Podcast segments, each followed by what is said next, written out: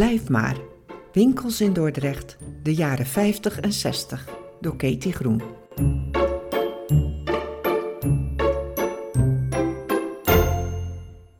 Kalkoen en Bon Mer.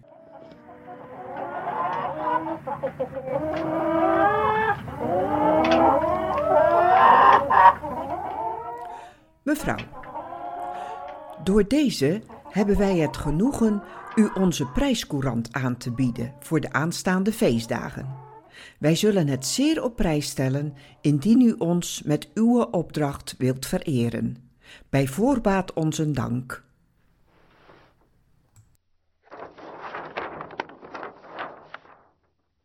Dit was de tekst van een prijslijst uit 1938 die Poelier Aardgennissen maakte voor de bestellingen in december. Alles voor de pan klaar, staat onderaan het kaartje.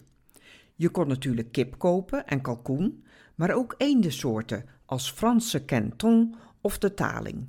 Een extra zware soepkip kostte 1 gulden 75, maar je had ze al vanaf 90 cent. En een Hollands wild duinkonijn was een dubbeltje goedkoper.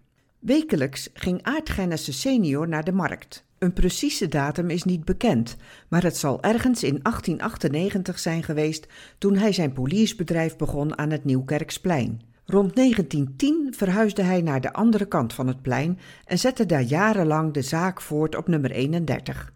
De zaak ging over van vader op zoon, zegt Adrie Gennissen. Drie broers zaten in het bedrijf en mijn neef Aart Jan, zoon van Aart, heeft als laatste een zaak op de Reeweg Oost gehad. In vroeger tijden waren de werkzaamheden van een poelier breder. Naast kip en wild was er ook een levendige handel in konijnenvellen. Vanaf het Nieuwkerksplein kon je via de Schotse tuin naar het vellenpakhuis.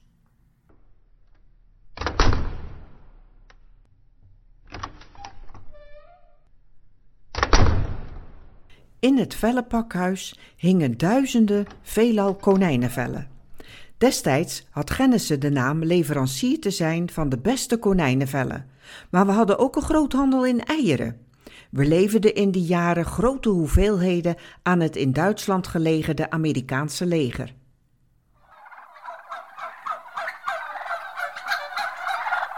Iedere dinsdag was er kippenmarkt in Rotterdam. De kippen gingen mee naar huis en werden smiddags meteen geslacht in een tempo van zo'n 125 kippen per uur, zegt Aart Jan. Op de kippenmarkt verkochten ze ook konijnen. De prijs was afhankelijk van de hoeveelheid vlees. Ik weet nog dat mijn oom Tom daar heel gehaaid in was. Hij hoefde de konijnen niet te zien, maar stak zijn hand in de mand, voelde de rug van het konijn en kon zo van alle konijnen bij elkaar het gewicht schatten. Zo wist hij precies of hij de juiste prijs betaalde. Ik vond dat altijd erg knap. Na het Nieuwkerksplein opende de familie winkels in respectievelijk de Bosboom Toussaintstraat 1969, het Admiraalsplein in 1974 en de Reeweg Oost in 1983. In de winkels was het druk, maar we leverden ook veel aan bedrijven, zegt Adrie Gennissen. Het was de tijd dat bijvoorbeeld kip als relatiegeschenk werd gegeven. Soms had je een order voor het leveren van 2000 stuks konijn aan een bedrijf of Hollandse kalkoenen. Als een bedrijf wilde dat het bij de medewerker of relatie thuis werd bezorgd, verstuurden we kalkoenen soms bevroren in Tempex dozen. We hadden een afspraak met het postkantoor dat zij voor dit soort pakketten speciaal voor ons vroeger openging. Een andere grote afnemer was de Dordtse koekjesfabriek Victoria. Er was een tijd dat de eierenhandel het grootste deel van onze omzet uitmaakte. Victoria nam soms tot 50.000 eieren per week af. Ieder ei werd daar afzonderlijk gebroken om een eventueel stinkei direct apart te kunnen houden. De meeste eieren waren bedoeld voor de productie van lange vingers, ook wel bon genoemd. Later ging men over op grondstoffen die eieren vervingen. Het stukje Nieuwkerksplein waar het poliersbedrijf was gevestigd, werd later Torenstraat. In 1983 sloot de familie de zaak. Ze konden terugkijken op een bloeiend bedrijf.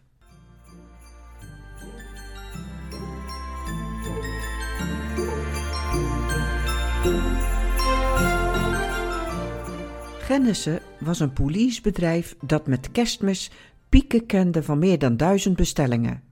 De hele familie hielp dan mee, zegt Ruud Gennissen. Zelf werkte ik niet in de zaak, maar ik hielp mijn broer Aart-Jan altijd tijdens dit soort drukke dagen. Er werd dan ook s'nachts doorgewerkt en zelfs de laatste klanten kregen hun bestelling thuis bezorgd, ook al was het op eerste kerstdag. Een gekkenhuis was het rond die dagen. De hele familie werkte zich een slag in de ronde, maar het was vooral ook een hele gezellige tijd. Ik heb het altijd met plezier gedaan. Aart Jan, broer van Ruud en neef van Adrie, nam de zaak aan de Reeweg Oost in 1989 over van zijn vader Aart, die hem in 1983 opende. Vader Aart bleef nog dagelijks zijn zoon helpen in de poliederij en tot het laatst deed hij de administratie. Toen Aart-Jan met pijn in het hart de zaak in 2008 sloot om het wat rustiger aan te doen, was hij de laatste polier in Dordrecht en de regio, die ook het ambacht van wildvillen beheerst. Met het sluiten van zijn zaak sloot ook een hoofdstuk in de familiegeschiedenis van Gennissen en markeerde dat het eindpunt van het uitoefenen van een eeuwenoud vak in Dordrecht.